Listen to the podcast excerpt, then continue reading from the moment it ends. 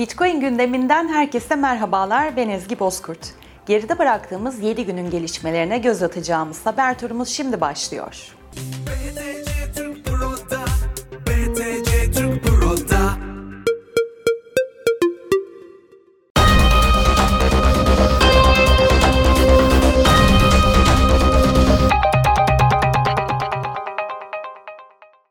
Sırbistan Prensi Filip Karađorđević her ülkenin Bitcoin'i benimseyeceğini ve bunun kaçınılmaz olacağını belirtti. Tesla, elinde tuttuğu Bitcoin varlıklarının %75'ini sattığını açıkladı.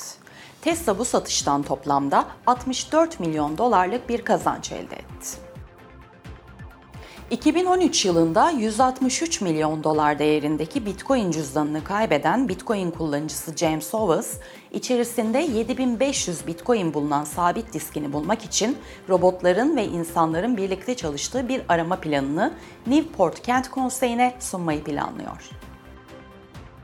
Türkiye'yi Bitcoin ile tanıştıran BTC Türk, kripto para ekosistemine kar amacı gütmeden destek vererek üyelerine açık patent stratejisi sunan Kopa'ya 210 bin dolarlık fon sağlayarak sponsor oldu.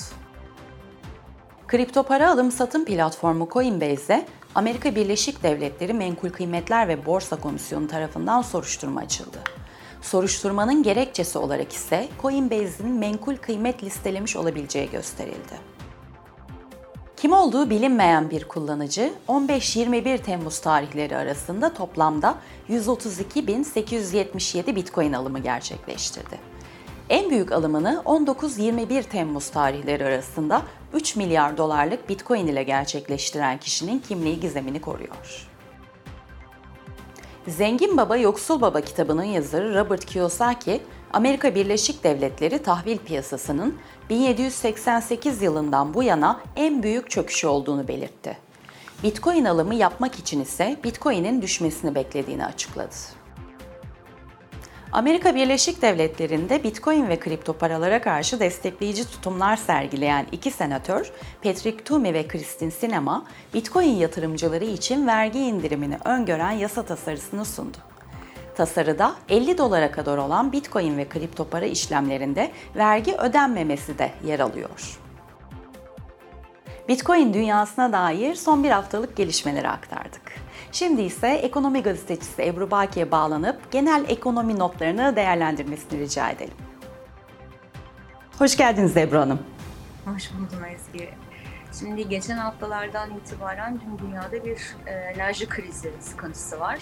Ee, Rusya e, yaptırımlar nedeniyle e, doğal gaz akışını sınırlandırıyor. Yani siz bize yaptırım uyguluyorsanız biz tribün motorlarında yapamıyoruz.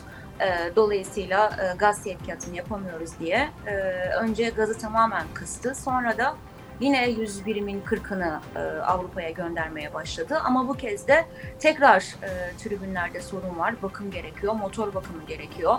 E, zamanında da biz bu bakımları bakımları zamanında yaptıramıyoruz. Yaptırım uyguluyorsunuz deyip gazı yine indirdi. E, dolayısıyla Rusya gazına bağımlı ülkelerde, Almanya gibi ülkelerde özellikle e, ciddi sıkıntı başladı. E, doğalgaz enerji krizi e, ciddi bir resesyona yol açar mı Avrupa'da? Korku bu. E, Birçok bankada e, Euro bölgesinin resesyona gireceğine kesin e, gözüyle bakıyor. Dolayısıyla bir yandan enflasyon çok yüksek, bir yandan da enerji krizinin de destek olacağı bir resesyon riski var Avrupa'da. E, bu da e, tabii değişik sıkıntıları gündeme getiriyor. Önce diyorlar ki enerjiyi çeşitlendirelim. Sonra diyorlar ki işte tasarruf önlemlerini arttıralım. E, öyle ki Fransa dükkanlarda klima çalıştığı zaman kapıyı kapatmayanlara ceza vereceğiz diyor. E, kuraklık bir yandan devam ederken bu gıda krizini büyütebilir. Aynı zamanda su önlemleri devreye giriyor. E, grevler var. İngiltere'de enflasyon yıllık %9'a ulaştı. Ama bizim ücretlerimiz enflasyon kadar artmadı. Koşullar çok ağır deyip e, işte İngiltere'de demiryolu işçileri, Almanya'da havayolu işçileri greve gidiyor. Dünyanın hali böyle. Kuraklık bir yandan e, bir yandan sel felaketleri, bir yandan savaş, e, bir yandan da yüksek enflasyon ve enerji krizi e, ve resesyon korkusu hepsi bir arada. Avrupa Merkez Bankası faizi 11 yıl sonra yarım puan arttırdı. Ee, ve bundan sonra da faiz artımlarına devam edebiliriz dedi. Ama bir yandan da resesyon korkusu varken ne olur bilinmez. Ee, Euro'daki değer kaybı bir ara hızlandı. Ee, ilk, ilk kez birin altına indi Euro değeri dolar karşısında. Ee, sonra e, biliyorsunuz ki Amerikan Merkez Bankası'nın faiz kararı çok yakından beklenir oldu. Yani Avrupa'da durum enerji krizi, doğal gaz krizi, aşırı sıcaklar, kuraklık, e, siyasette depremler e, ve yine Covid vakalarının artmasının yol açabileceği endişelerle, önlemlerle enerji bulma süreciyle devam etti. Bir yandan da enflasyon yüksek olunca Avrupa Merkez Bankası faizi yarım puan birden arttırmak zorunda kaldı. Dünya şimdi eksi faizin dışında bir faizle e, yani yüksek faizle yaşamaya çalışıyor.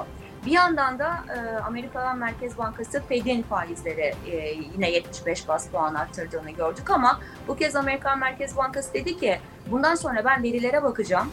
E, yüksek faiz indir arttırımları devam edebilir ama e, bu ilelebet sürmeyecek bir yerde bu yumuşayacak açıklaması yaptı. Dolayısıyla piyasa iyi tarafını satın almak istedi. Hatta kripto paralar da bundan olumlu etkilendi. Altın keza olumlu etkilendi ve borsalarda çok hızlı bir yükseliş oldu ama e, Amerika'nın durumu biraz daha enflasyonla mücadelede iyi. Resesyon korkusunu da hafifleten veriler geliyor. Amerika cephesinde durum bu ama verileri daha kötü hale getirmedi. Dolar doları daha hızlı yükseltmedi. İşte euro da çok ciddi değer kaybını önledi. Bizim para birimlerimizde de en azından e, %18'i birdenbire geçmesini sağlayacak bir açıklamayla piyasaları tuttu Amerikan Merkez Bankası. E, Amerikan Merkez Bankası FED'den sonra e, bu hafta Merkez Bankası'nın enflasyon raporu da yine beklendi. Çünkü Merkez Bankası bu yıl sonu için enflasyon tahminini %42,8 öngörüyordu. Ama beklentiler yıl sonu için %70 seviyesinde. Merkez Bankası yıl sonu enflasyon tahminini %60,4'e çıkarttı bu yıl için. %42,8'den ve üst sınır tahmini de %90'a kadar çıkıyor. Yani e, enflasyon %90'a da çıkabilir, daha aşağısı da olabilir ama ortalama tahminimiz %60,4 dedi. E, gıda enflasyonu için bu yılki tahmini %71'in üzerine çıkarttı. Petrol fiyatlarını da 100 doların hemen altında tuttu. Yani e, bu yıl bizi gıda fiyatları zorlamış ve %42'lerde öngörülen enflasyonun da %60'larda olacağı şimdiden anlaşıldı. E, gelecek yıl içinde e, Merkez Bank ve bu arada politika faizimiz de %14. E, kur ve döviz girişine ihtiyacımız var. Cari fazlaya dönemedik enerji nedeniyle. Bir yandan da kredi sıkışıklığı var. E, dolayısıyla dünyada resesyon olursa bizim ihracatımız nasıl etkilenir sorusu var. E, bu bir istihdam kaybına yol açar mı çip kriziyle beraber? Bir de bu sorumuz var. E, dolayısıyla e, bu soruların ışığında Merkez Bankası da diyor ki 2023 yılında enflasyonu %20'nin altına düşüreceğiz. Merak etmeyin. Gıda enflasyonunda %71'lerin üzerinden %25'lere inecek. Onu da merak etmeyin. Dolayısıyla bir yıl daha sabrederseniz e, enflasyon inecek beklentisini Merkez Bankası bu hafta duyurdu, ilan etti. E, bu arada Merkez Bankası faiz de değiştirmedi yine geçtiğimiz haftalarda yaptığı e, toplantıda, Temmuz toplantısında yine %14'te bıraktı. Eğer savaş barışa dönerse e, enflasyonda da bir atlama olacak vurgusuyla birlikte. İçeride başka neler oluyor? ÖTV tartışması var. Ee, Cumhurbaşkanı Erdoğan'a verilen ÖTV arttırma, azaltma yetkisi e, tebliğlerle e, güncellendi ve uygulanabilir hale getirildi. Dolayısıyla e, Kemal Kılıçdaroğlu'nun açıklamalarından sonra da acaba ÖTV iner mi ya da matrahta bir değişiklik olur mu tartışması var. Sosyal konut projelerinin arttığını görüyoruz çünkü kira ve konut fiyatları çok hızlı artınca sosyal konut projeleri devreye girecekmiş onu anlıyoruz. E, Cumhurbaşkanı Erdoğan kabine toplantısından sonra açıklayacak. Bir gelişmede e, dar gelirli vatandaşlara dönük Hazine ve Adalet Bakanlıkları çalışma yapmış. Dolayısıyla e, dar gelirli olup da e, borç yüzünden, kredi kartı, kredi gibi borçları yüzünden e, yargıya intikal etmiş konularda bir çözüm bulunacak. Bunu da yine kabine toplantısından sonra Cumhurbaşkanı Erdoğan açıklayacak. Dolayısıyla ekonomi gündeminde e, bir de yeni otomobil var tabii. E, o da 2023 ilk çeyreğinde. Seçim sattım halinde ekonomi konuşmaya devam ediyoruz. Çarşı pazarda, kirada, konut fiyatlarındaki artışta yüksekliği konuşmaya devam ediyoruz. Doğal gaz fiyatları da vadeli kontratlarda dünyada çok hızlı artarken acaba kış gelince bizim faturalar ne olacak diye e, konuşmaya devam ediyoruz. Petrol fiyatları biraz inerken bizde kur yüksek olduğu için benzin ve motorin fiyatlarında da düşüş var ama bu düşüşü de sınırlı izliyoruz. Ebru Hanım çok teşekkürler kıymetli yorumlarınız için. Ben teşekkür ederim Ezgi. Yayınlar. Hoşçakalın.